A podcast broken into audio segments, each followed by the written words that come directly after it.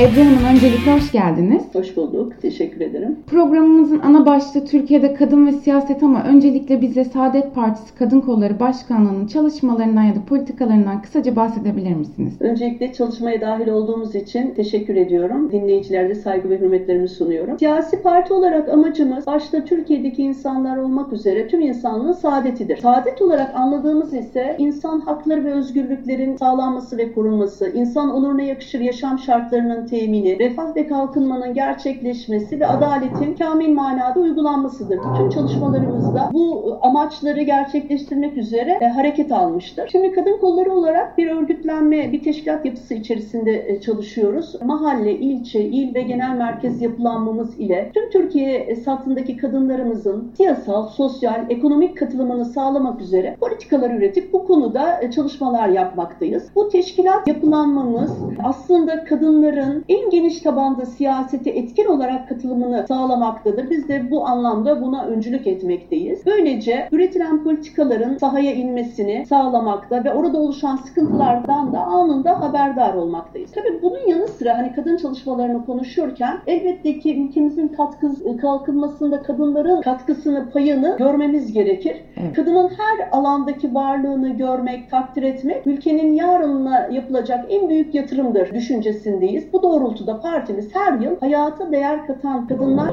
ödüllerini vermektedir. Evet. Bu ödüller her yıl onur ödülü olarak bir kadına ithaf edilmektedir. Girişimci kadın, bilim akademi, kültür, sanat ve spor, üretici kadın, iyilik ve anne ödülü olmak üzere de 5 ayrı alanda katkı sağlayan kadınlarımız bu manada ödüllendirilmektedir. Bu yıl hayata değer katan kadınlar ödülü şehit jandarma yarbay Songül Yakut anısına e, verilecek inşallah. inşallah. Ve ödül alacak olan hanımefendiler de önümüzdeki günlerde inşallah kamuoyuyla paylaşılacaktır. Elbette dediğim gibi bu kadınları görmek, takdir etmek hakikaten çok kıymetli, çok değerli olduğu kanaatindeyiz. Elbette ki çalışmalarımız bunlarla sadece sınırlı değil. Bunun yanı sıra kadınların çalışma hayatında ve kamusal alanda karşılaştığı sorunları çözümüne yönelik çalıştaylar yapmakta, grup çalışmaları düzenlemekteyiz. Bireysel ve kurumsal temsilcilerle istişareler yapıyoruz. Beraberinde ulusal ve uluslararası toplantılara katılarak konuyla ilgili raporları inceleyerek dünyadaki kadın hareketlerini de takip ediyoruz. Sorunuzu bu şekilde cevaplandırmış olayım. Zaten gelecek kadın saadet kadınlarıyla gelecekti değil mi? Evet. Evet. evet. E, Milli Görüş e, partilerinin hepsinde ve bugün Saadet Partisi'nde kadınların siyasete etkin katılımını tüm Türkiye görmüştür. E, bugün de görmektedir. Bu anlamda herhalde çok da mütevazılık yapamayacağız. Ay, Allah razı olsun. Şimdi daha geniş bir sorumuz var ikinci sorumuzda. Mevcut Türkiye koşullarında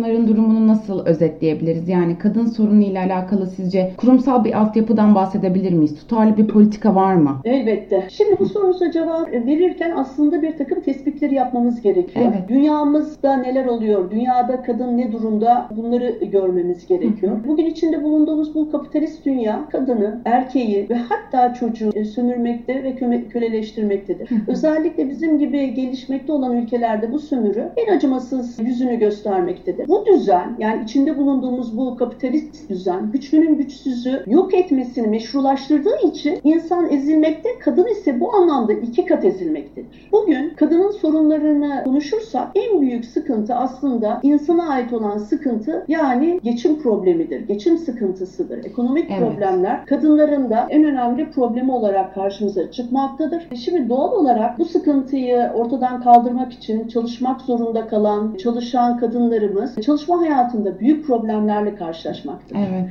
Geçim sıkıntısı bu anlamda tabii dediğim gibi iki kat kadını etkilemektedir. Evine ek gelir getirebilmek için ağır şartlarda çalışmak zorunda kalmaktadır. Yani uygun olmayan zamanlarda, zeminde özellikle sosyal güvenceden mahrum statüde ve ucuz iş gücü olarak çalışmak durumunda kalan kadının sorunları bugün bizim de önümüzdeki en önemli problem olarak durmaktadır. Şimdi tabii çıkarılan yasalar ve iyileştirmeler var. Evet. Bu anlamda bunu görmek lazım. Ancak bu yasaların uygulanmasındaki keyfiyet ve denetimsizlik özellikle özel sektör başta olmak üzere her alanda büyük mağduriyetlerin oluşmasına sebebiyet vermektedir. Yani biz eğer kanun ve yasaları çıkardıktan sonra sadece yazıda bırakıyorsak bir yol kat edemeyiz. Biz bunun uygulanmasında gerekli çalışmaları, gerekli denetimleri yapmalıyız. Sadece kamusal alandaki çalışma hayatında bulunan kadınlar için değil, özellikle dediğim gibi özel sektör sektör içerisinde çalışan kadınların da bu haklardan yararlanabilmesi gerçek bir takip ve denetimle ancak karşılaşılacaktır, ortadan kaldırılacaktır düşüncesindeyim. Ee, çalışma hayatında tabii ağır şartlarda çalışan kadın aynı zamanda çalışma hayatı ile ailesi arasında sıkışıp kalıyor ve mutsuzlaşıyor. Bugün kadının mutsuzluğu da bizim en önemli problemimiz. Kadın neden mutsuzlaşıyor? Biraz evvel ifade ettiğimiz gibi bu çalışma şartlarının ağırlığı, çalışma sürelerinin uzunluğu kadının ailesine ve sosyal yaşantısına zaman ayıramamasına sebebiyet veriyor. Bundan dolayı kadın mutsuzlaşıyor. Başka neden mutsuzlaşıyor? Yani elbette ki yaşamsal ihtiyaçların karşılanması çok çok önemli, kıymetli. Evet. Ama bunun yanında ruh ve beden bütünlüğü içinde sanat, spor, kültür faaliyetlerine de vakit ayırması gereken insan için, kadın için maalesef böyle bir zaman ve zemin bulunamıyor. Bundan dolayı da kadın mutsuz oluyor ve bu sonu belirsiz bir zaman diliminde e,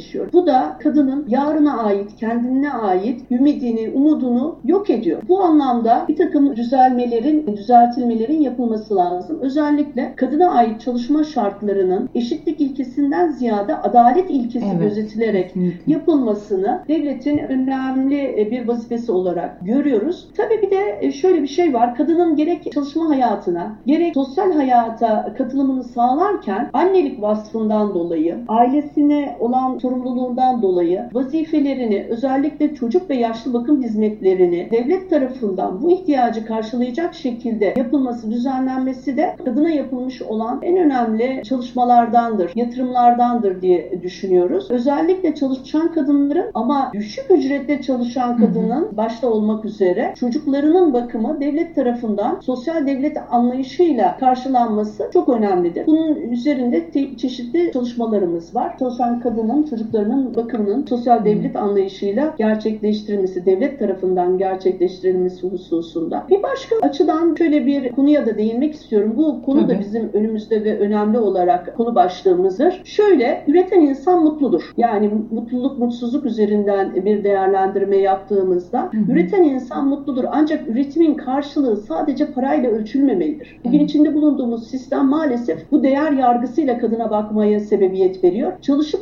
para kazanıyorsa değerlidir yargısı tüm ailesini, çocuklarına, tüm hayatını ailesi ve çocuklarına adayan, bunu tercih eden ev hanımlarını değersizleştirmektedir. Halbuki, halbuki kadının fıtratı üzere analık vasfı üretkenliği en önemli durumdur. Hı hı. Kadın ilk mürebbiyedir. Önemli sorumlulukları vardır ve bu sorumlulukları çok değerlidir. Geleceği şekillendiren kadınların ve özellikle ev hanımlarının özlük haklarının verilmesi konusunda da yoğun çalışmalar yürütmekteyiz. Bugün kadın intihar ve cinayetleri, şiddet ve istismar vakaları memleketimizin, ülkemizin en derin yaraları olarak karşımızdadır. Bu konuda duyarlı olmak hepimizin insanlık vazifesidir. Ve kişinin biricik hayatı da kimsenin tek elinde değildir. Yapılmış olan fiile, fiili duruma ceza ise en üst seviyeden verilmelidir. Şimdi e, bunları konuşurken yani kadın intihar ve cinayetleri, şiddet ve istismar vakalarını konuşurken bir başlıkta medya ve reklam sektöründe kadın bedeninin bir meta olarak kullanılmasını da konuşmamız gerekir. Biz bu durumu en büyük istismar olarak görüyoruz. Bunun sistematik olarak yapıldığını görüyoruz. Müsaade edildiğini görüyoruz. Bunu da bir mesele olarak, sorun olarak konuşulması gereken önemli bir başlık olarak hepimizin önüne alması gerekmektedir. Evet, Ama en önemlisi herhalde eğitim ve sağlık hizmetlerinin kız ve erkek çocuğu herkesin en temel hakkı olduğu bilinciyle çalışmaların buna göre düzenlenmesidir. Bu konuda kamu kaynak ve hizmetlerine ulaşım ülkenin her yerinde ve her kesiminde eşit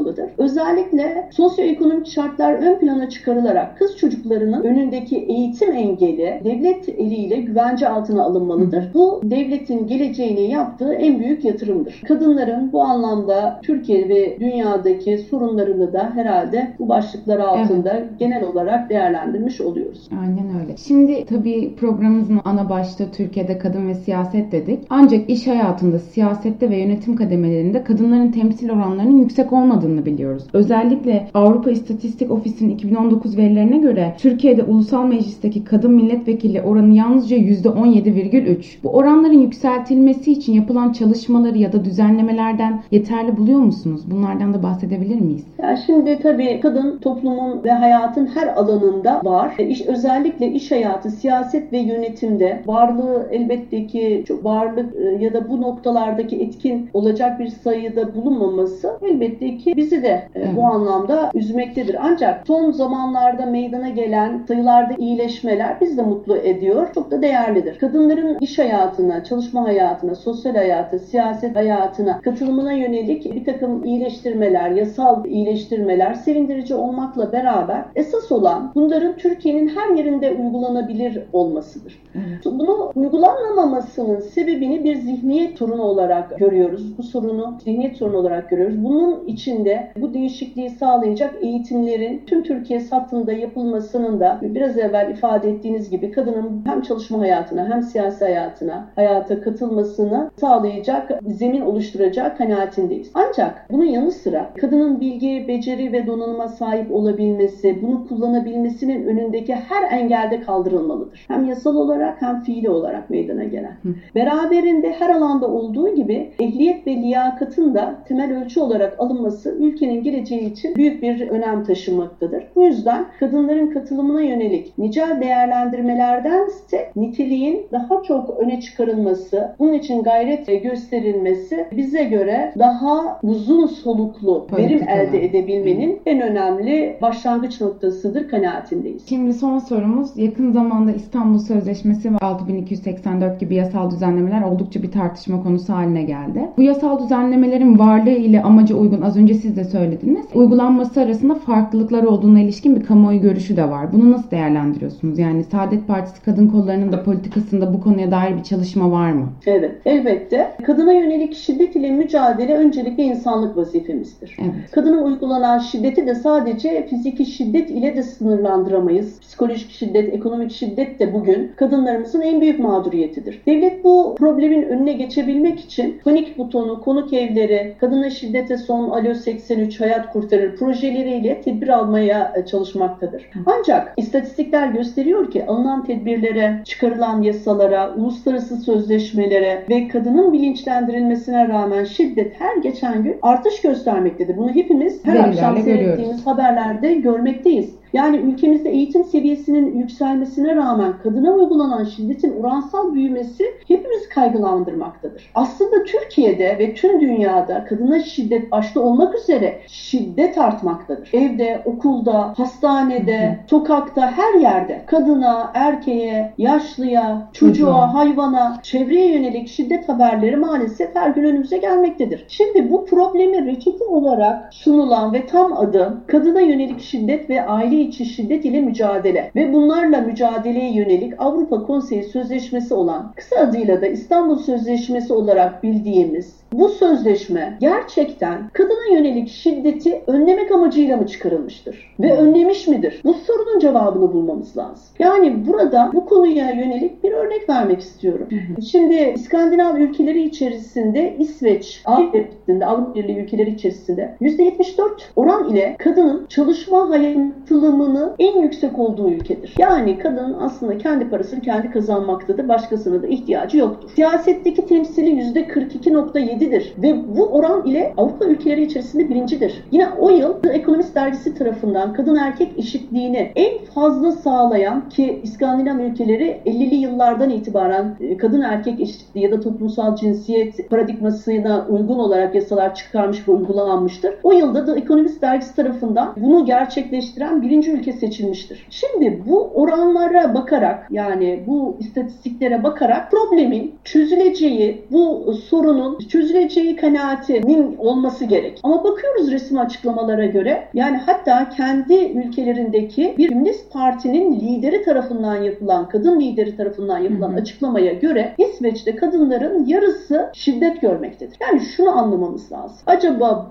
bu sözleşme gerçekten sorunun çözümü müdür? Bir bilgi daha vermek istiyorum. Tabii. Bilinmelidir ki şiddet aslında patolojik bir sorundur. Şiddet hı hı. öğrenilen, süreklilik halinde içselleştirilen, alışkanlık haline gelen bir olgudur. Yani bu gerçekten bu bilimsel olgudan yola çıkarak öğrenme sürecinde, insanın öğrenme sürecinde sorumluluğu olan tüm unsurlar. Kim bunlar? Aile, okul, medya ve devlet bu anlamda hareket etmelidir. Yani şiddeti eğer gerçekten önlemek istiyorsak, bu problemi gerçekten hakikaten çözümlemek istiyorsak görüyorsak bunun kaynağına, kökenine inmeliyiz. Başka bir paradigmayla meseleye bakmalıyız. Elbette yapılan bu yasalar, çıkarılan yani fiili durum gerçekleştirdikten sonraki biz onu 6284'te gireceğiz. Çıkarılan yasalar konuşulacak konulardan birisidir. Ama henüz şiddet meydana gelmeden şiddeti tetikleyen problemler üzerinden üzerinde yoğunlaşırsak herhalde çözüme daha yakın oluruz kanaatindeyim. Yani konuya yönelik Saadet Partisi'nin çözümlerine eğer e, zamanımız yeterse Var, e, tabii, cevap veririm. Fakat İstanbul Sözleşmesi özelinde devam edersek bu istatistiklerden gördüğümüz İstanbul Sözleşmesi uygulanan ülkelerde çözüm olmamıştır. Olmadığı gibi toplumun milli manevi dinamikleri de değersizleştirilmiştir. Halbuki güçlü toplumlar kendi değerleriyle var olur. Şimdi bu açıdan Türkiye'nin İstanbul Sözleşmesi'nden çekilmesini biz istiyoruz. Buna karşılık kadına yönelik şiddetle mücadeleyi sonuna kadar yapmak üzere toplum olarak topyekün yapmak üzere kendi dinamiklerimizi referans aldığımız şiddeti önleyecek kanunlarımızı kendimiz çıkarmalı ve uygulamalıyız. E bununla beraber 6284 sayılı kanun daha öncesinde 4320 sayılı kanunun genişletilmiş halidir. Hı hı. Aslında acil eylem planıdır. Yani 6284 ile ilgili uygulamadan kaynaklanan bir takım mağduriyetler yaşanmaktadır. Bunu hepimiz görüyoruz. Bize de geliyor şikayetler. Bunun engellenmesi için de devlet tarafından gerekli düzenlemeler yapılmalıdır. Yani kanun aslında e, hani iki yönden bak yapmamız lazım. Öncelikle şu, bir acil eylem planıdır. Bununla ilgili eğer toplumdan gelen şikayetler üzerinden konuşmak gerekirse, bu şikayetler aslında kanunun yazılı düzenlenmesinden ziyade uygulamasından kaynaklı mağduriyetler topluluğudur. Bunu görmemiz lazım ve buna yönelik uygulamaktan kaynaklanan e, problemleri devletin görmesi, buna yönelik çözüm üretmesi hı hı. gerekir. Ama 6284 ile ilgili bu şu gerçeği de tekrar fark etmek, hatırlamak, hatırlatmanın faydalı olduğu kanaatindeyim. Bu şiddet fiili gerçekleştirildikten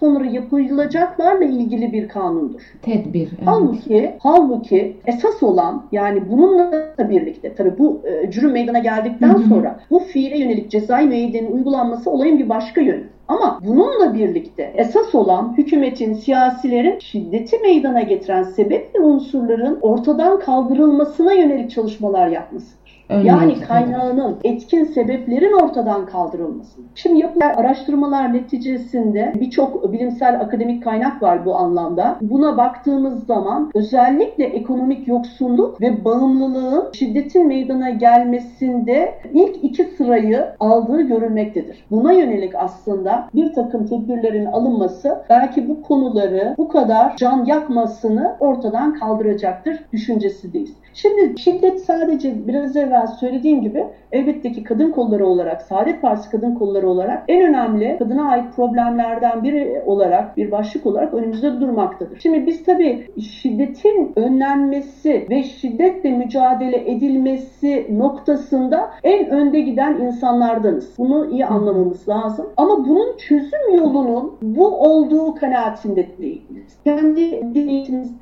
dinamiklerimize, yerlerimize ait dinamikleri referans alarak kendi yasalarımızı kendimiz çıkarmamız ve bir paradigma, bir bakış açısı değişikliği de yapmalıyız. Burada sürekli meseleyi cezalandırmak üzerinden ziyade oluşumunu engellemek ve eğitim yoluyla özellikle biraz evvel ifade ettiğim gibi aile, okul, medya ve devlet ayakları üzerinden eğitim yoluyla bir zihniyet değişikliğine ihtiyacımız var. Yani kişiler herhangi bir yasal yaptırım olmaksızın gönüllülük esasıyla zaten bir başkasını e, zarar vermekten kendini men edecek bir vicdan ve bilinç seviyesine ulaşması lazım. Devletin de bu noktada kaynaklarını seferber edebilmesi lazım. Neler yapılacak? Bunda yapılacak şey biliyorsunuz yani özellikle medyada bu noktada şey olmalıdır, sorumlu olmalıdır. Sorumlulukla hareket etmelidir. Evet. Çünkü sabah e, kalktığımız ilk saatten televizyonu açtığımız ilk programdan son programa kadar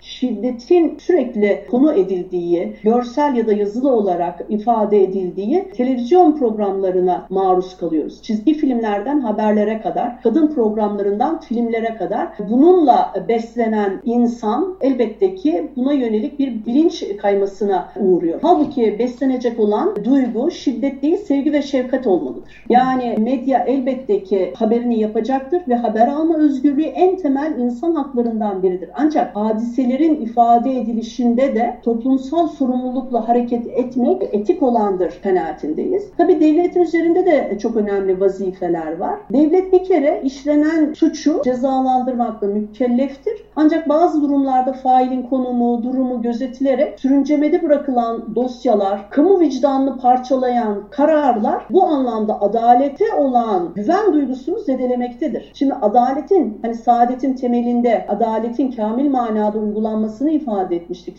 sözlerimizin başında. Evet. İşte adaletin kamil manada uygulanması toplumsal huzurun ve barışın tesisi için ilk ve en önemli unsur. Bu anlamda devlet bir an önce dosyaları sonlandırmalı, adaletin tesisi olarak e, gerekli cezaları vakti saatinde vermelidir. Fakat yanı sıra Aile Çalışma Sosyal Hizmetler Bakanlığı başta olmak üzere konuya bağlantılı bütün bakanlıklar ortak bir çalışma planı hazırlamalıdır. Ve biraz evvel bahsettiğim gibi şiddet gerçekleşmeden önce sebebe yönelik çalışacak takibat ve çözüm merkezleri de bir an önce kurulmalıdır. Biz bu konuda her türlü katkıyı sağlamak e, üzere hazırız. Yaptığımız çalışmalarla insan kaynaklarımızla hazırız. Bunun da bilinmesini isterim. Bu konudaki kanaatimiz bu şekildedir. Çok teşekkür ederim Hanım. Katıldığınız için de, cevaplarınız için de çok teşekkür ederim. İyi ki katıldınız, iyi ki sizi dinledik. ne demek? Her zaman yardımcı olmaya gayret ederiz Fatma Hanım. Çalışmalarınızda başarılar diliyorum. Tekrar teşekkürler. Sağ olun, hoşçakalın.